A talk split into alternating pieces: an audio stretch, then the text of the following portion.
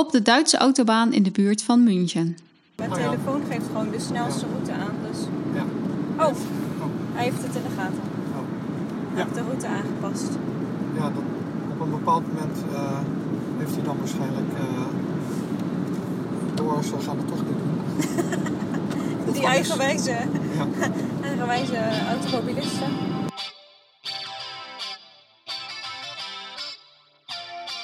Dit is Drang naar Samenhang, een podcast over de psychologie van het begrijpen. Mijn naam is Rolf Zwaan, auteur van het boek Drang naar Samenhang. En ik ben Anita Eerland. In deze podcast gaan we in gesprek over thema's uit het boek. Je hoeft het boek niet te lezen om ons te kunnen volgen. Maar dat is wel zo leuk natuurlijk. In deze aflevering gaan we het hebben over het begrijpen van bedoelingen. Wanneer zien we het gedrag van anderen als intentioneel? Hoe komt het dat we ook intenties aan dingen toeschrijven? En heeft dat eigenlijk nut? Ja, we schrijven heel snel eh, bedoelingen toe aan andere mensen. En ik moet eh, meteen denken aan jouw onbegrip van vorige week. Ehm, dat ging over het feit dat ik bij iemand die wij niet kenden een douchegordijn moest eh, ophangen. Die man had zijn been in het gips, maar het was een beetje een vreemde situatie. En jij stond buiten en je zag door een raam van een ander huis een vrouw wild gebaren. En jij dacht onmiddellijk, oh die vrouw probeert me te waarschuwen dat de situatie niet in orde is. Ja, dat dacht ik inderdaad. Ja. En eh, in feite was er dus eh, niks aan de hand. En was die vrouw op de tv in dat andere huis. Maar jij interpreteerde haar gedrag onmiddellijk als eh, intentioneel en als relevant met betrekking tot de situatie waarin je zelf was. Ja, En dus dat interpreteren van andermans gedrag als ehm, intentioneel is iets wat we allemaal doen. En eh, je merkt dat wanneer je bijvoorbeeld zelf van iets beticht wordt eh, waar je je niet eh, schuldig aan hebt gemaakt. Als je bijvoorbeeld op een receptie staat en iemand zegt tegen je: hey, je loopt me al de hele tijd te negeren. Terwijl jij die persoon gewoon niet had gezien. Ja dus dan is er wel een eh, logische verklaring voor jouw gedrag. Je hebt iemand Ja. gewoon niet gezien en iemand Ja. anders ziet daar iets anders in. En denkt dan dat jij iets eh expres doet. Dat jij Ja. expres iemand niet eh, gegroet hebt, bijvoorbeeld. Zoiets ja. Of dat iemand zegt van: Oh, je kijkt bedenkelijk, je ziet het zeker niet zitten.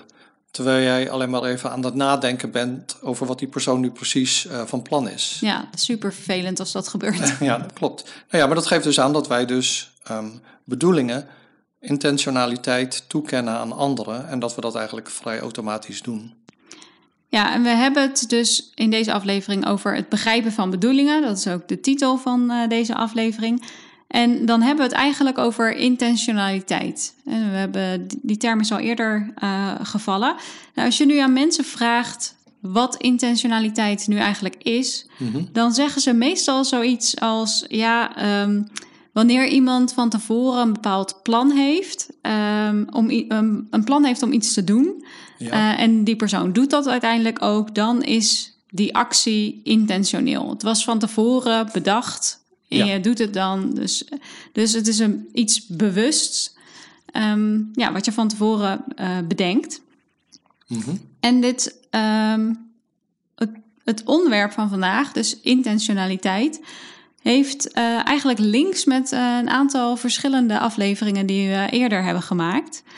Ehm, want als het gaat om eh, intentionaliteit, dus dat, dat je de actie van iemand anders ziet als iets wat bedoeld Bewust, is, Ja. dan moet je dus weten wat iemand bedoelt. Dan Ja. moet je weten wat voor doelen iemand heeft. Ehm, en ehm, dan hebben we het al eigenlijk al over theory of mind. Ja. En daarover hebben we het gehad in aflevering 10. Dus theory of- mind is het vermogen om ehm, emoties en, en acties eh, toe te schrijven eh, aan iemand anders. En dat Ja. heb je dus nodig voor eh, intentionaliteit. Ja, en, en daar- dat, dat is trouwens waarom we dus vaak naar de gezichten van mensen kijken, want daar kunnen we veel informatie uithalen. En één clue is bijvoorbeeld, waar kijkt iemand naar?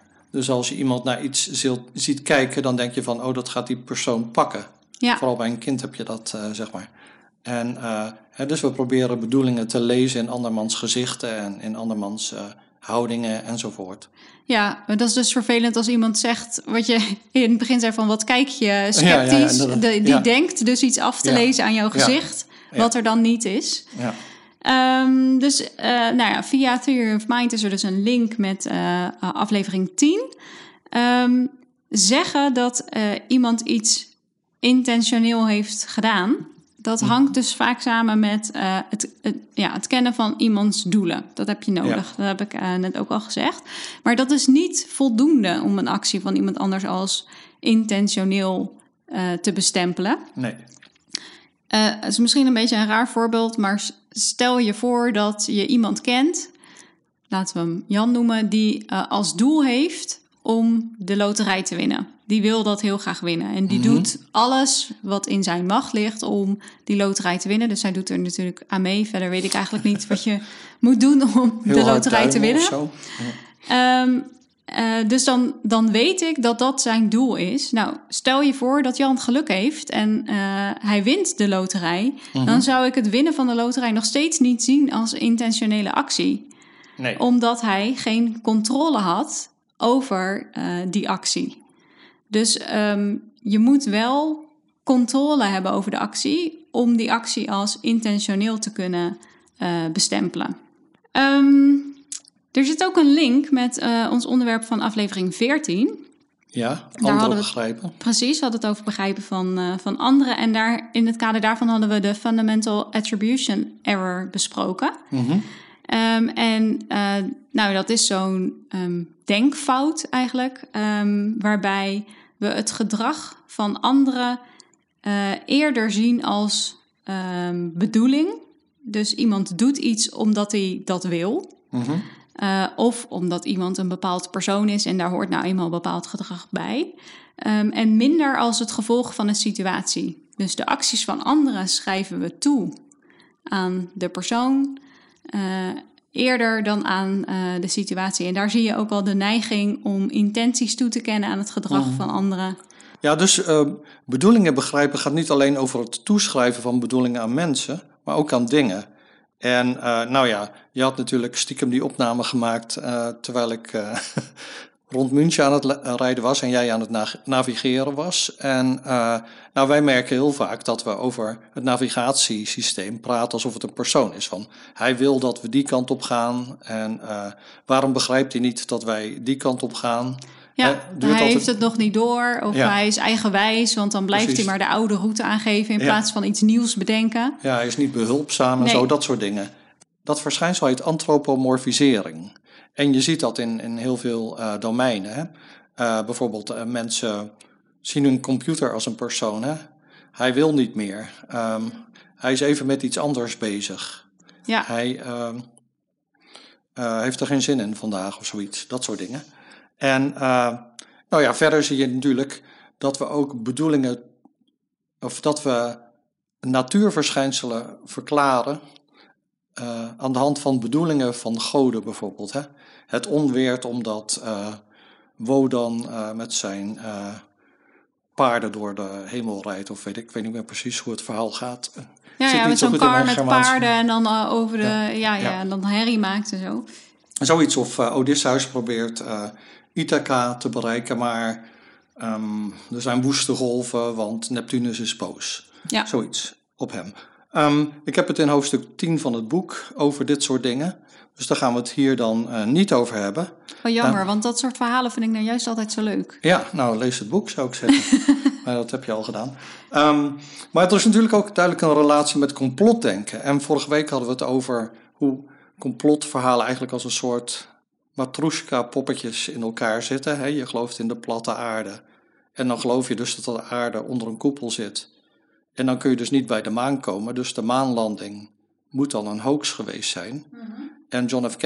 Kennedy moet vermoord zijn door de Amerikaanse overheid, omdat hij eh, Kennedy het plan had om een man op de maan te zetten. En dat kon natuurlijk in werkelijkheid niet. Ehm, nou ja, en dan ga je zo door. En eh, vorige week hadden we het erover hoe je dan uitkomt bij ehm, eh, nou ja, complotverhalen over machtige groepen, groepen machtige mensen die achter van allerlei dingen zitten. En die dingen waar zij achter zitten, dat zijn dan, dat kunnen eh, allerlei gebeurtenissen zijn die helemaal niks met elkaar te maken hebben. Maar je kunt ze in, in verband met elkaar brengen door te zeggen van die en die groepen hebben gewild dat dit zou gebeuren en daarna dat zou gebeuren om die en die reden. Dus dat, eh, eh, dat, dat ontdekken van intentionaliteit, dat zie je eigenlijk in allerlei domeinen van de maatschappij. Het is aan de ene kant nuttig als we het gedrag van anderen willen lezen, maar uh, je kunt er dus ook te ver in doorschieten. En een domein waar je dat dus heel uh, duidelijk ziet, dat, dat is in verhalen. Hè, dus, uh, en dat hoeft niet per se een roman te zijn. Het kan ook een simpel verhaal zijn wat je aan um, een kennis vertelt. Zoiets van, we gingen naar de winkel. En dan vertel je er niet bij om boodschappen te doen, want daarom ga je naar de winkel. Dat weet de luisteraar al. Dus jouw doel hoef je vaak niet te vertellen. Het is misschien net een beetje als wat je eerder vertelde over uh, het aflezen van intenties aan iemands gezicht. Dat je kunt kijken waar iemand naar kijkt. Ja. Want iemand kijkt meestal naar iets uh, om daar naartoe te gaan. Of naar een object om dat te pakken of daar iets mee te doen. Ja. En, maar dat hoef je niet uh, te zeggen of zo. Dat kun je afleiden uit zoiets. Dus nu Ja. met, met naar de winkel gaan. Er wordt een soort van zaadje geplant. Je hebt een klein beetje informatie. En die gebruik je om de rest uh, af te leiden. Ja. Ja, na aanleiding van een uh, eerder onbegrip van de week heb ik een uh, was gitch. Kan ik het niet gewoon, ik hou het gewoon op wasschei. Oké, oké. Uh, die heb ik uh, gekocht, want uh, ik was toch wel benieuwd naar het concept. En was wel een beetje klaar met die standaard puzzels. Um, dus die puzzel is nu bezorgd en die ligt beneden op tafel. En mijn onbegrip ging eigenlijk over dat ik nu dus eigenlijk helemaal geen strategie heb om die puzzel te maken. Want normaal gesproken, ja, je hebt het plaatje en dat maak je na en dan begin je met de rand. Dat kon nu natuurlijk ook nog wel. Maar daarna wist ik eigenlijk niet zo goed wat ik nu moest doen. Want je weet helemaal niet of wat er op die doos staat, of Mhm. dat ook is wat je moet gaan leggen. Dus je komt allemaal stukjes tegen die je niet kunt vergelijken met het plaatje op de doos. Nee. Ehm, dus ja, ik heb eigenlijk maar. eh, we Ik ben wel, wel begonnen. Wij, wij zijn wel begonnen met die Ja. puzzel.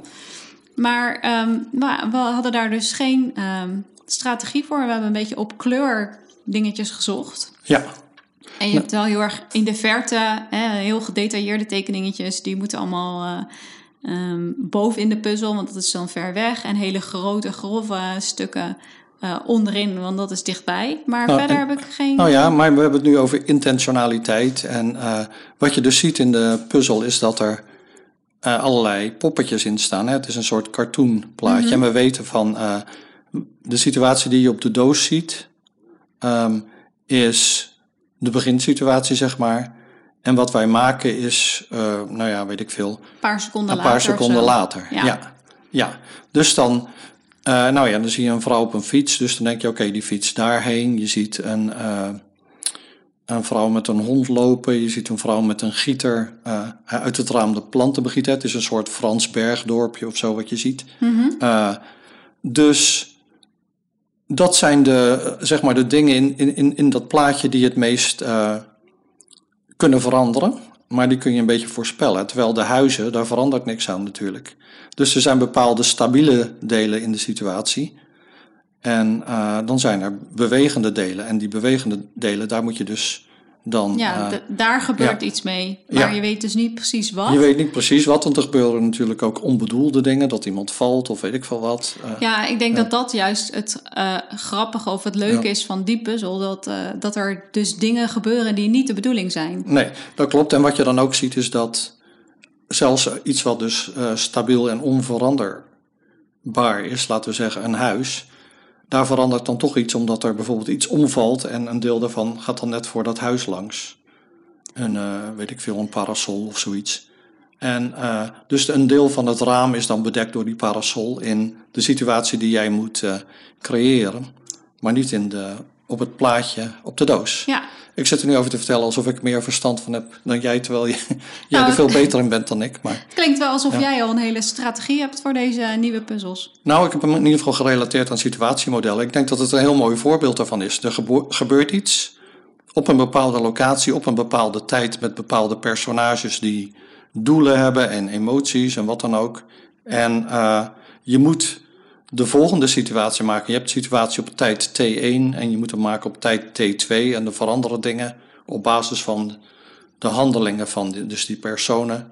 En die kunnen dan ook weer nieuwe emoties oplezen, dus, eh, opleveren. Dus je ziet dat iemand boos is omdat die vrouw die met de gieter Ja, ja Eh, die sproeit een beetje mis. Ja, die sproeit mis en die raakt dan een vrouw die haar hond aan het uitlaten is, dat soort dingen.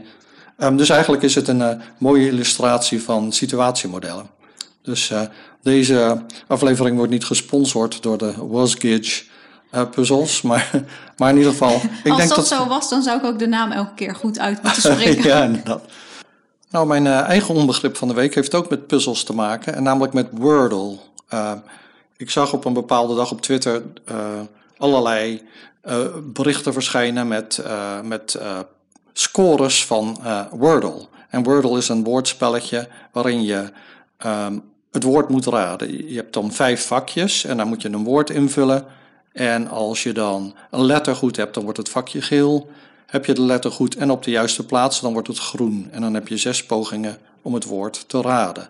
Ja, het is dus net zoals lingo, alleen krijg je niet de beginletter, als ik het goed heb. Ja, ik ben niet zo bekend met lingo, maar inderdaad, zo, zo is het, ja. ja.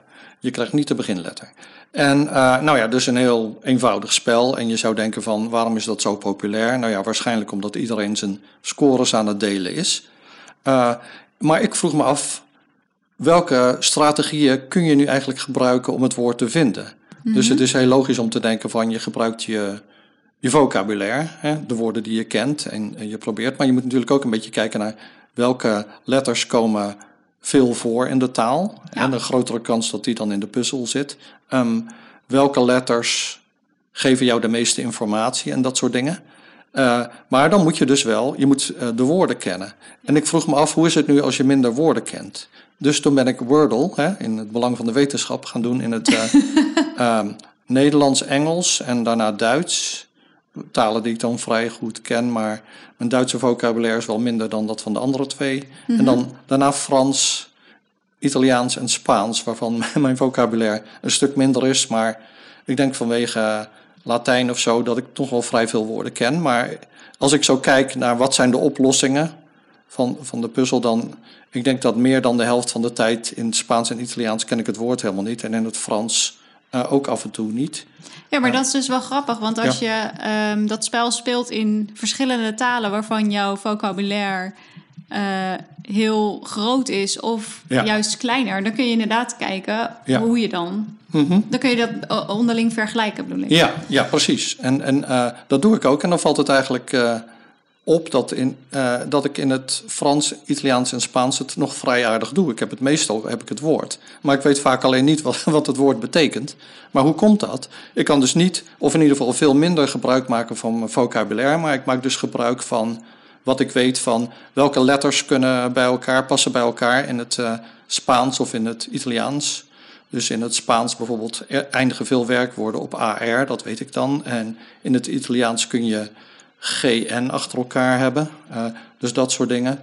Ehm, en soms kan ik dan een beetje gokken wat het woord is. En soms is het ook hetzelfde woord als in het Nederlands. Dus bijvoorbeeld ik had laatst credo in het Italiaans. Nou ja, dat betekent dan ik geloof, denk ik. En dat is hetzelfde als in het Latijn en Nederlands. Ehm, En is het zo dat als je een, echt een onzinwoord maakt, hè, want dat kan dus als je wel de regel, Ja, nee, grammaticale ja, ja. regels volgt, maar het is geen woord, eh, zegt hij dan van dat het niet kan? Of ben je dan Eh, een eh. beurt kwijt? heel goed punt. Dan zegt hij dat het niet kan. Ah, dus zo, dan ben je wel gered, zeg maar. Anders dan zou je waarschijnlijk veel sneller dan, af dan- zijn. Dan, zou ik veel sneller af zijn.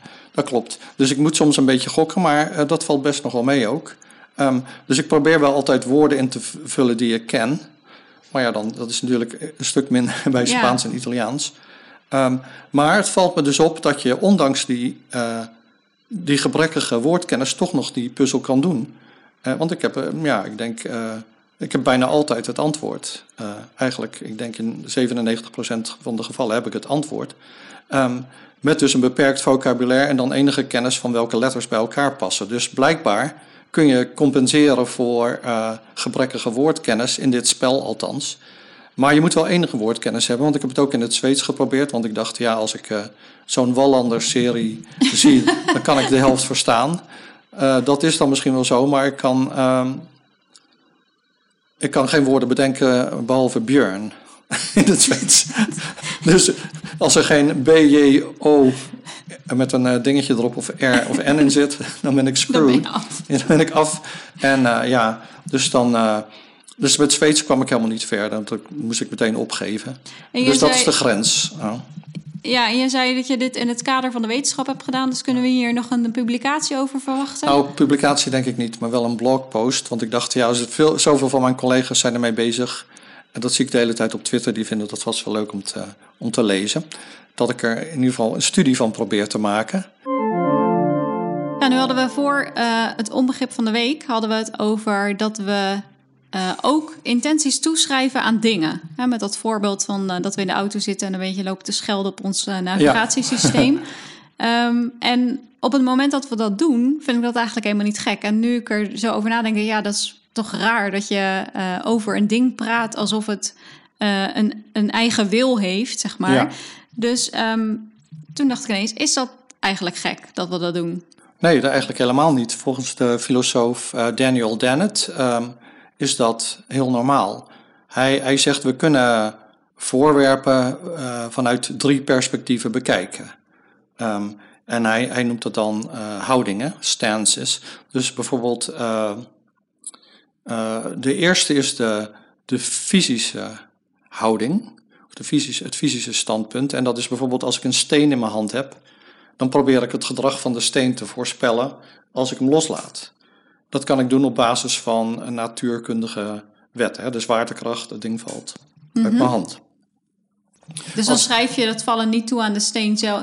Die- wil dat niet, maar Nee. die valt omdat. Ja, De omdat hij gehoorzaamt aan de natuurwetten. Ja. Nou kun je een afstandsbediening van de tv net zo beschouwen. Als ik hem loslaat, valt hij op de grond. Ja, Ehm, maar dan kan ik eigenlijk best wel weinig voorspellen over die afstandsbediening als ik hem alleen maar beschouw als een voorwerp. Ehm, ehm, hij, hij zegt daarvoor, als je dus beter wil voorspellen wat zo'n ding kan doen, dan, dan, dan kom je bij het tweede, eh, de tweede perspectief. En dat is wat hij noemt het ontwerpstandpunt, de design stance. Dus eh, je hebt niet te maken met een voorwerp eh, ehm, zoals een steen, maar je hebt te maken met een voorwerp dat ontworpen is met een bepaald doel.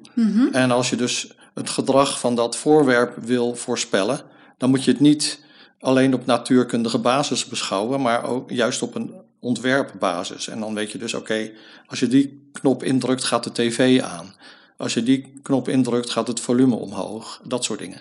ja dat is wel logisch, want de, de ontwerper heeft er bepaalde doelen Ja. natuurlijk ingestopt. Ja, ja, ja, dat klopt. En dat ding heeft zelf niet die doelen, maar ehm, eh, je moet het wel beschouwen als iets dat ontworpen is. Want anders eh, ja, kun je vrij weinig voorspellen over het gedrag van dat ding. Ja, Ehm, en eh, het derde niveau is dan dat je, ehm, eh, wat hij, dat is de intentional stance, dus dat, dat je het standpunt inneemt dat iets zich rationeel gedraagt. En dat iets, dat hoeft niet per se een mens te zijn, dat kan ook een dier zijn of een, een apparaat. En, eh, of software of zo. En Dennett geeft dan als voorbeeld eh, een schaakcomputer. Dus eh, je kunt dat, die schaakcomputer beschouwen op natuurkundig niveau, als laten we zeggen de stromingen van elektronen of wat dan ook. Maar dan kun je weinig voorspellen over welke zet het gaat doen. ja, Ehm, je kan het ook vanuit een ontwerpstandpunt bekijken. En dan weet je dat, ja, hoe werkt zo'n computer? Hij genereert alle mogelijke zetten en kiest daar dan de beste uit. Maar wij als mens kunnen dat niet. Wij, wij kunnen niet zoveel zetten bedenken. Uh, wij hebben gewoon uh, de vier of vijf beste zet, uh, vier, vijf zetten en daar kiezen we dan de beste uit. En uh, hij zegt, dat is dus ook hoe je met zo'n computer schaakt. Je beschouwt hem als een uh, mens dat een bepaalde strategie, die een bepaalde strategie heeft ja. en uh, bepaalde doelen.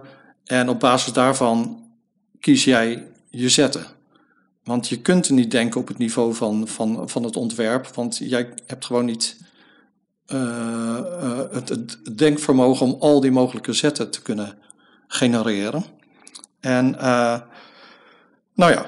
Dus met die schaakcomputer zijn die, die andere twee niveaus, zeg maar, het hele technische uh, aspect ja. van hoe dat werkt en wat erin is gestopt door de ontwerper, dat is eigenlijk te complex voor ons ja. om te begrijpen. Ja, en dan is het dus nuttiger om te denken van dat is een ding met een eigen uh,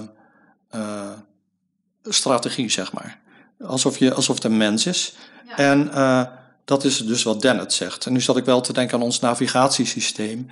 En daar, eh, daarvan vraag ik me af hoe nuttig het is dat wij dat ding dan beschouwen als een eh, koppige persoon. Eh, dat doen we niet eh, eh, terwijl we daar heel hard over nadenken. Dat gebeurt gewoon automatisch. Ehm, maar als je zou denken dat het wel een persoon was, dan zou je er dus mee kunnen communiceren. En dan zou je dus eigenlijk dat ding kunnen leren om de volgende keer niet eh, hardnekkig dezelfde weg te blijven aanwijzen. Ja. Ehm, Ik moest meteen denken, toen je dat ne- net zei aan eh, onze aflevering over eh, kort door de bocht denken. ja, Hè, dat we bepaalde strategieën hebben om om te gaan met eh, de wereld om ons heen. ja, En dat het toeschrijven van intenties, omdat we dat de hele tijd doen en omdat het een, een snel en automatisch proces lijkt.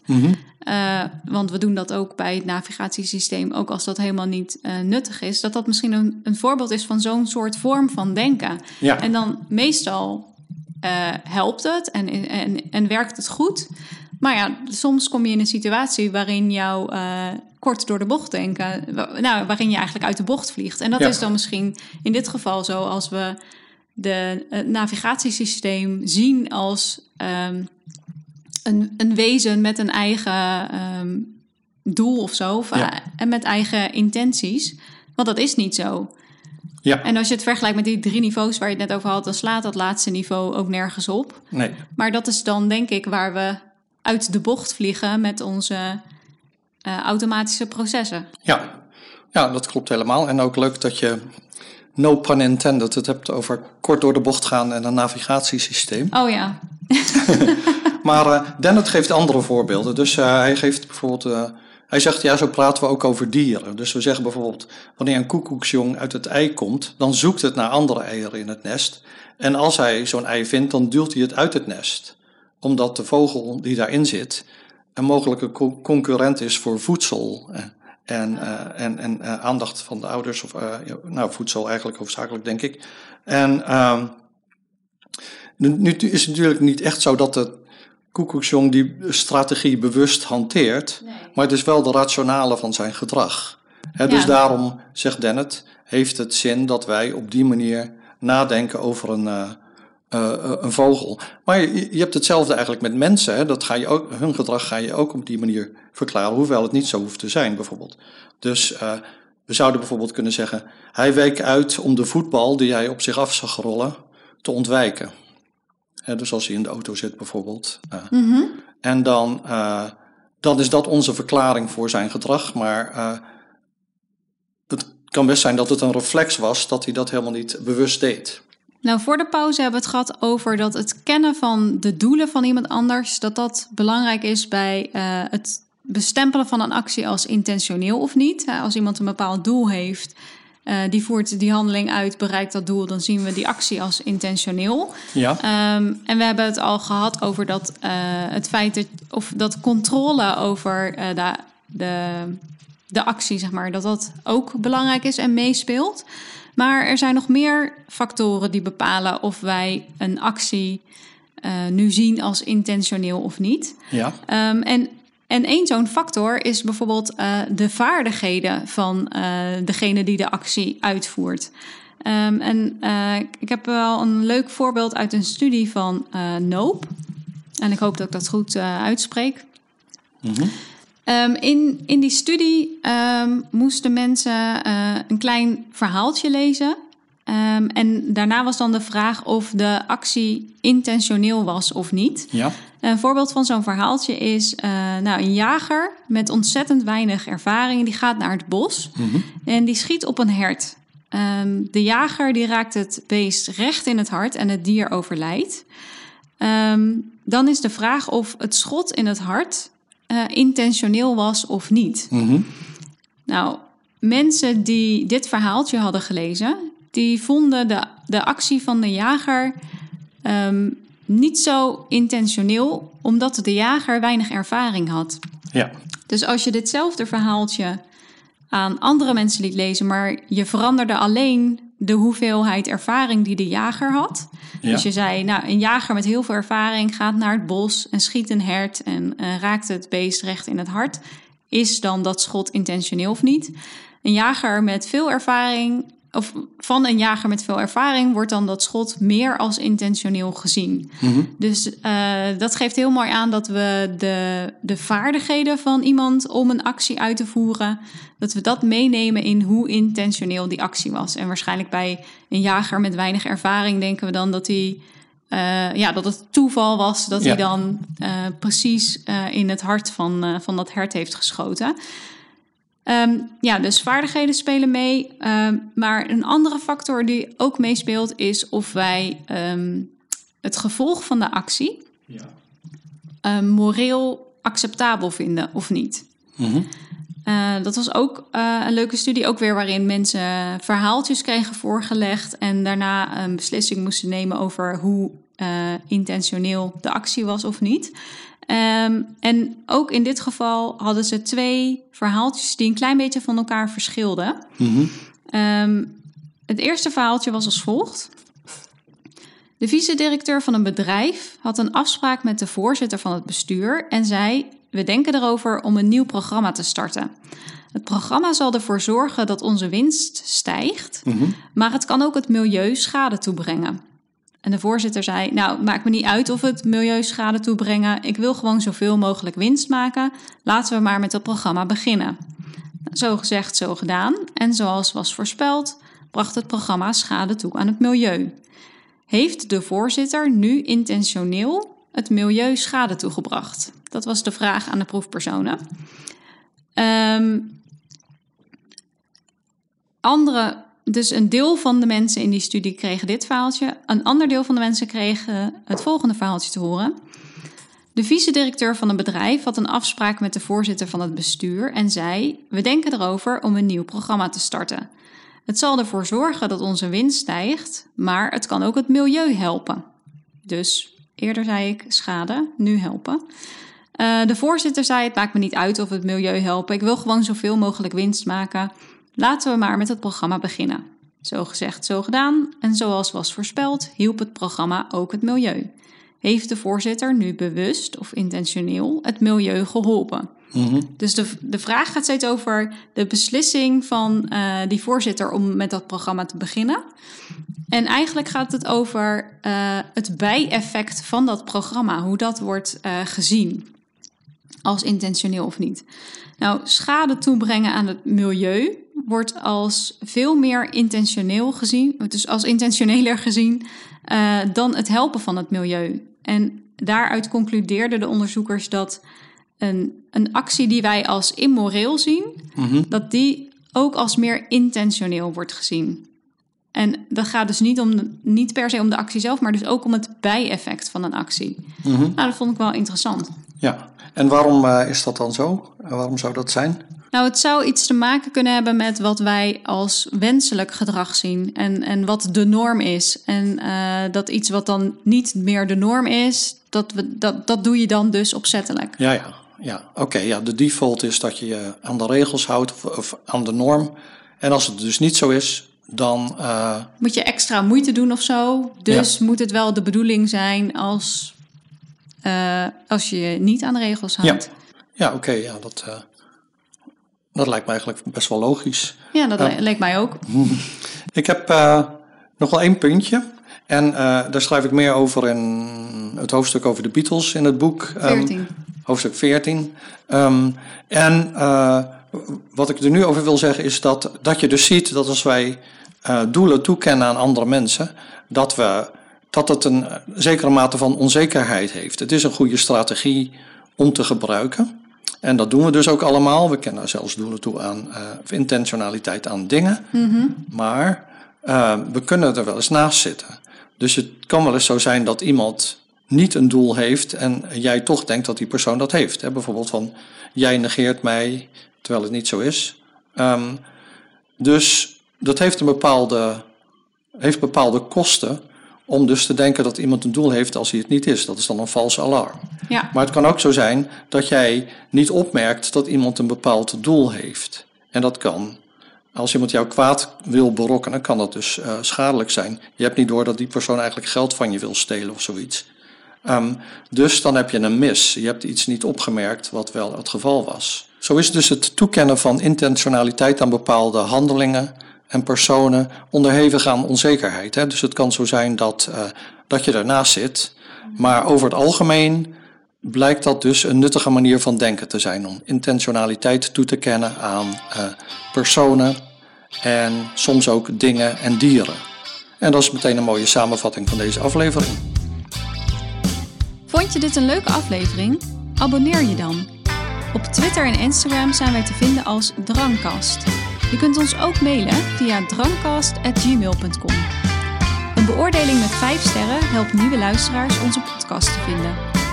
Behoefte aan meer drang naar samenhang? Ga dan naar de boekwinkel of bestel het boek online via www.boompsychologie.nl slash drang naar samenhang. De hoofdstukken die aansluiten bij deze aflevering vind je in de show notes. Tot de volgende drang. Drang naar Samenhang is een podcast van Rolf Zwaan en Anita Eerland. Montage door Rolf Zwaan. Muziek geschreven en gespeeld door Rolf Zwaan.